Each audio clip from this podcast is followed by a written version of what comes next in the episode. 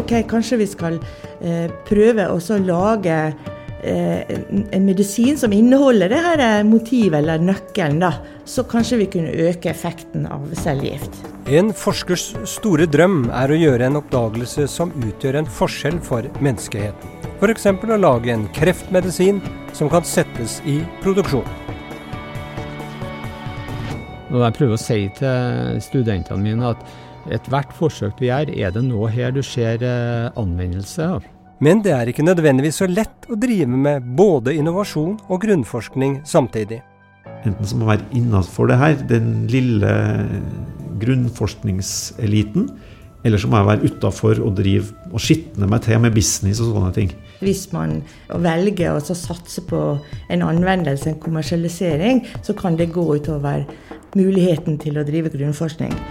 Og det har jo vært stunder jeg har vurdert, eh, tenkt og er det, var det verdt det? Hvorfor er det så vanskelig for forskere å få penger til grunnforskning? Du hører på De store spørsmålene, en podkast fra NTNU.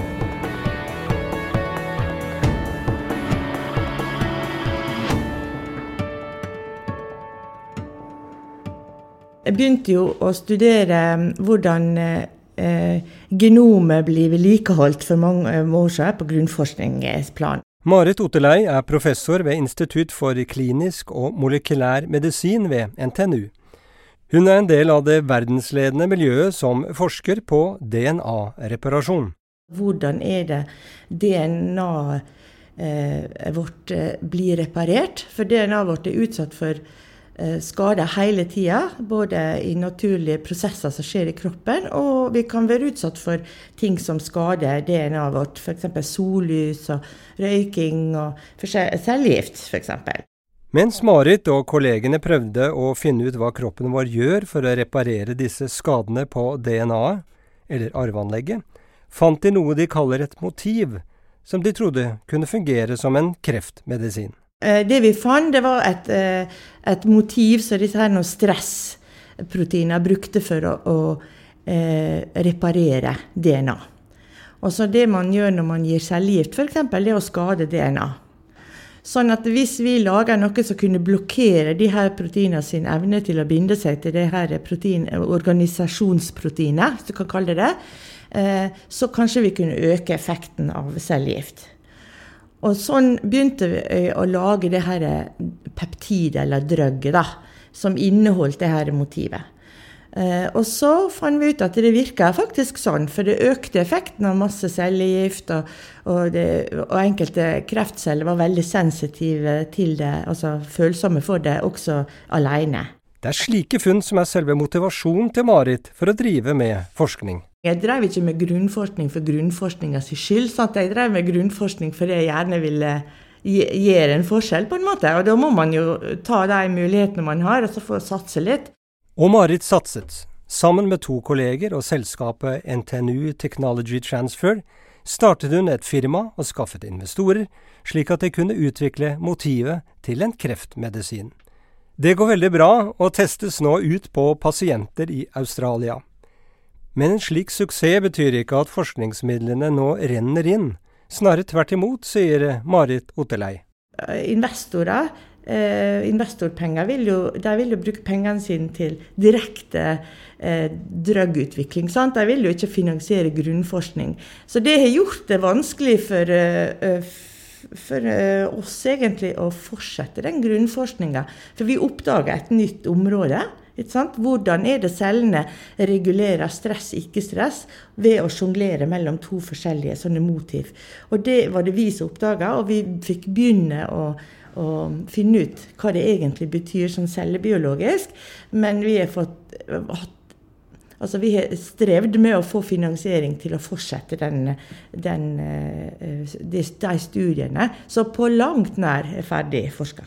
Kanskje kan Marit gjøre flere oppdagelser på dette feltet, men det blir vanskelig uten penger. Det syns jeg er litt frustrerende. Og, og jeg tror at det, eh, det, det, er kanskje fordi at det har ikke vært noen stor tradisjon i Norge med sånn spin-off-selskap for å ta den delen til en kommersiell vei. Og Derfor så har jeg kanskje jeg fått en del kommentarer også på søknader at det her er en kommersiell forskning, det er ikke grunnforskning.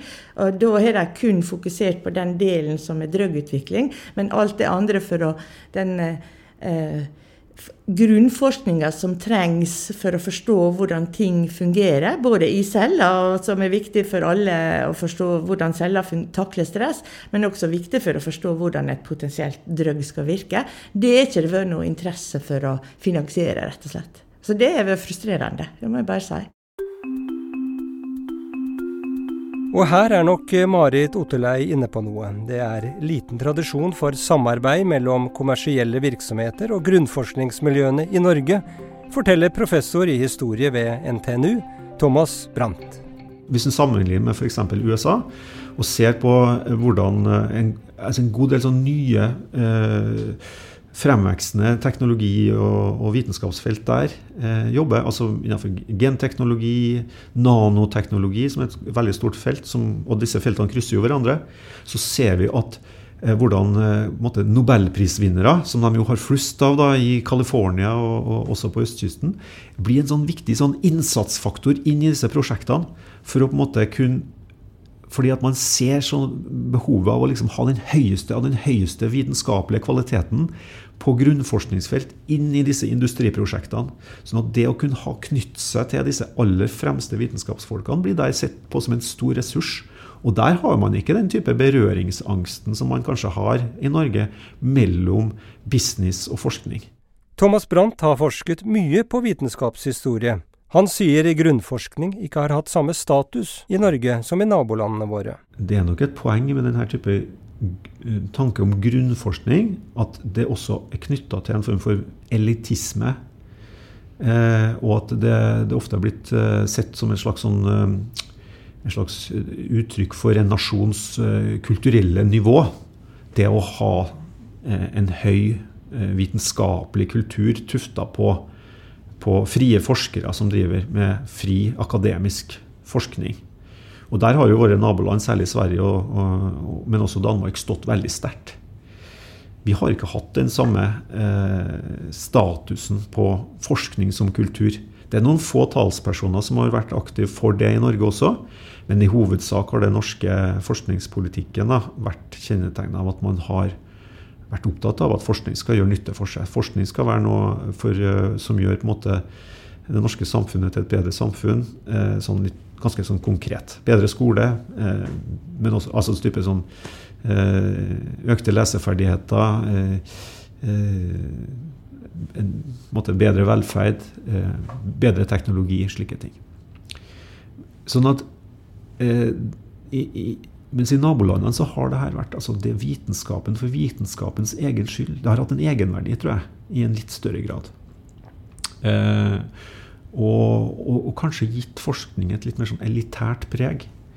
Og den elitismen har vi ikke så vært så gode på i Norge. da. Sånn at uh, Det har noen sånne små uttrykk også, med liksom, uh, norske altså, vitenskapsakademi og den type ting. Nå prøver vi oss med akademi for yngre forskere og sånn. Og dyrke frem eneren, uh, altså en elite. Det, det, er noe som er litt fremmed for det norske. da.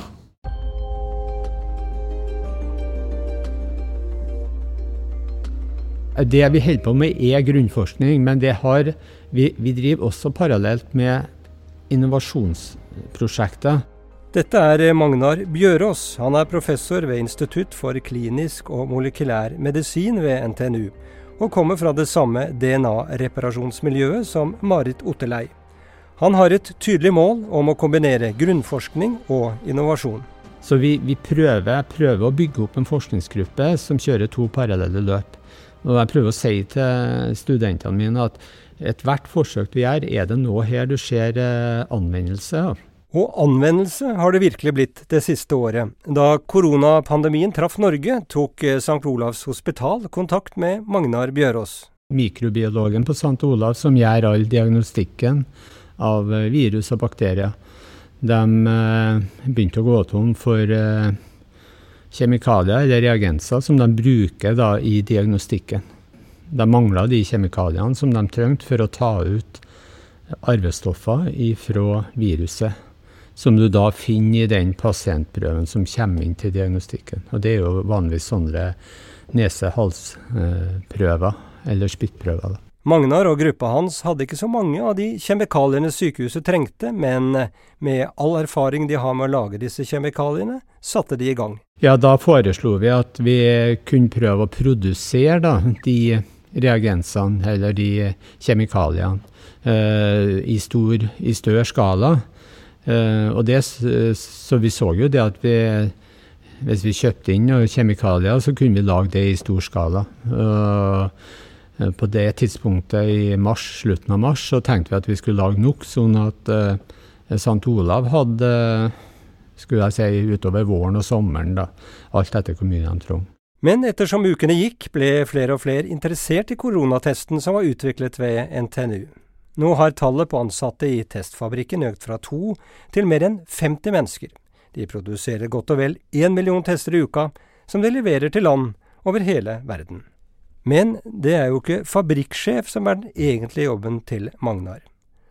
Han forsker for harde livet for å forstå hva det er som skjer i cellene våre når arvestoffet som har fått skader, blir reparert. Det har jeg jobba i 30 år med å forstå, og fortsatt så er det mye jeg ikke forstår. Og det var nettopp fordi Magnar og hans forskningsmiljø er så utrolig god på sitt grunnforskningsfelt, at de kunne utvikle koronatesten. Kanskje vi som er forskere for dårlige til å forklare betydninga av grunnforskning. Fordi at det største potensialet i ny innovasjon og bedre løsninger, det ligger i ny kunnskap eh, omkring det fundamentale. Magnar Bjørås tror ikke nødvendigvis det bevilges mindre penger til grunnforskning nå enn før, men det blir stadig flere om beinet. Dette er konkurranseidrett, fordi at vi må skal vi få utretta noe eh, og få realisert de ideene vi har eh, for nye forsøk og for nye prosjekter, så må vi få i penger eh, eksternt. Og Det vi ser fra Forskningsrådet, det for vår del kan det også være fra Kreftforeninga, fra EU, fra eh, helsemyndighetene. Og, og det, er en, det, er på en måte en det er konkurranseidrett fordi at innvilgelser ligger kanskje alltid fra 5% til 15% avhengig av hvilket program vi søker på. Og Det er klart det er noe som er veldig krevende for, eh, for mange som er i denne businessen. For koronatesten Magnar og kollegene har utviklet er et eksempel på at grunnforskning kan kaste av seg noe helt uventet og stort hvis man får lov til å bruke tid og bli skikkelig god. Absolutt, og, det vil jeg si at hvis du begynner å se på alt vi har av behandling, og du begynner å gå tilbake til hva som er utgangspunktet for behandling, så, så kan du nesten tilbakeføre alt til en eller annen form for grunnforskning. Og Det er kanskje ikke så lett å forstå. og Det er kanskje til og med folk på både sykehus og i universiteter som ikke helt skjønner det sjøl heller. Det er så mye vi tar som en selvfølge i, samfunnet i dag, i forhold til hvis vi snakker om helse da, og det vi har av behandling. Det er massevis av eksempler fra historien på forskning som ikke nødvendigvis har hatt noen åpenbar anvendelse i øyeblikket, men som senere har endret verden sier historieprofessor Thomas Brandt. Et sånt eksempel som jeg liker veldig godt, har å gjøre med det som franske, britiske og tyske matematikere drev på med på 1700- og 1800-tallet. Det regna på tidekraftbølger og eh, hvordan måte, havbølger oppførte seg, og laga på en måte eh, veldig mye av grunnlaget for en viktig del av matematikken da, på, på, på, en del sånne type problemstillinger. Og endte opp med flott flotte type sånn ligningssett og sånn. Men som først virkelig kunne komme til anvendelse når man fikk eh, nok eh, dataregnekraft til å virkelig kunne anvende den type, den type matematisk eh, teori. Til f.eks. å beregne værmeldinger, eh, turbulens og andre sånne ikke-lineære, vanskelige naturfenomener. Sånn sett er det lett å tenke at staten burde sørge for at det satt forskere rundt om i landet vårt og ble eksperter på alt mulig. At staten ikke gjør det, har nok flere årsaker, annet historiske. det som kanskje er et sånt kjennetegn av den norske satsinga på forskning i moderne tid, særlig etter andre verdenskrig, det har vært en sånn eh, stor satsing på at vi skal bygge opp forskning som først og fremst er relevant for noen ting. Eh, og vi har satsa på det hovedsakelig gjennom å eh, bruke pengene på forskning til, til, til, til en del sånn strategiske satsinger. Det kom eh, egentlig helt fra starten av, da man satsa stort på forskning på atomenergi i Norge. Det var et kjempestort prosjekt som vi brukte masse penger på. Noe av det var jo egentlig grunnforskning òg, men ideen var jo hele veien at man skulle bygge opp industri, man skulle bygge opp energiteknologi, man skulle bygge opp eh, eh ting som kun blir til big business eh, sant, i, i, norsk sammenheng. Så det er et eksempel på det. Sånn at eh, og har det jo det har, det har jo på en måte eh, Jeg skal ikke dra lange historien om det, for det er en ganske lang og komplisert historie. Men, men denne tanken om at grunnforskningens kår i Norge har, har vært litt sånn svak, den, den, den, har nok vært sånn fremherskende i norsk diskusjon om, om forskning. Da. Og det kan oppleves vanskelig for forskere å drive med både grunnforskning og anvendt forskning? Det kan være litt sånn problematisk for noen av de forskerne som opplever at enten så må være innafor det her, den lille grunnforskningseliten, eller så må jeg være utafor og drive og skitne meg til med business og sånne ting. Og det, og det, tror jeg kan være litt sånn vanskelig. At vi ikke har et mer sånn uh, dynamisk forhold til det. da. Marit Otterlei har opplevd akkurat dette. Da hun startet et firma for å kunne utvikle motivet hun fant til en kreftmedisin, ble det vanskelig å skaffe penger til å drive videre grunnforskning på det samme feltet. Investorene vil bruke pengene sine til å utvikle det faktiske produktet de kan tjene penger på. Samtidig er det vanskelig å få offentlige midler til et prosjekt hvor kommersielle krefter er involvert. Marit mener det bør være mulig å kjøre to parallelle løp det må en større forståelse eh, blant bevilg, altså de som bevilger midler til forskning, at de skjønner at eh, det ikke kan være enten-eller, det må være to løp. Og at det går an å gjøre det eh, parallelt uten å mikse altfor mye rollene.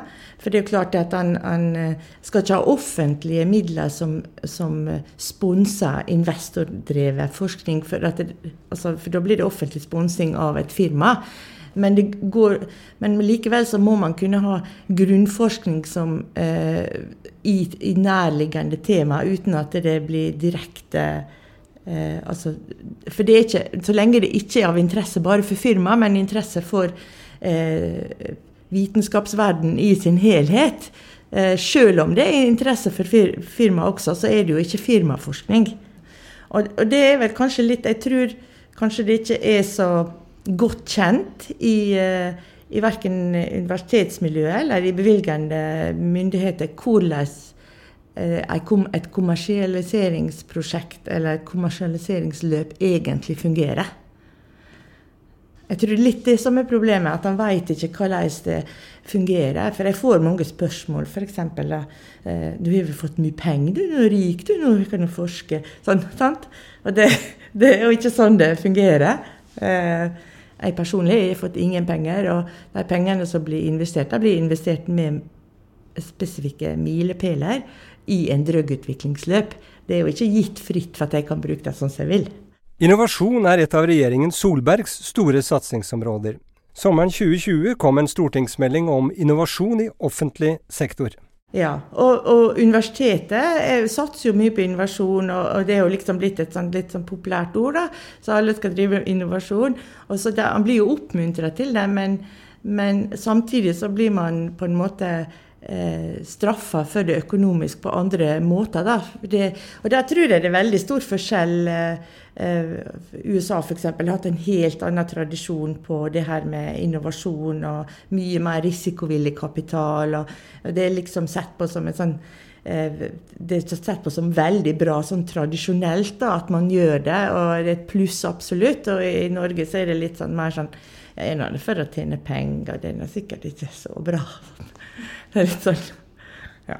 Det er litt andre tradisjoner og, og litt dårligere kjennskap til hvordan det egentlig virker, da. Marit har alltid sett på seg selv som en som driver med grunnforskning på kreft. Det har hun ikke penger til å gjøre nå. Eh, og det har jo vært stunder jeg har vurdert, eh, tenkt og er det, var det verdt det, faktisk.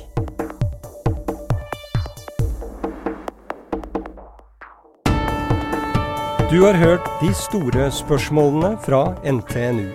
Podkasten er produsert av Historiebruket i samarbeid med NTNU Kommunikasjonsavdelingen. Randi Lillealteren er produsent og står for redigering og lydmiks. Anne Sliper Midling er prosjektleder og researcher. Og jeg heter Christian Fossen.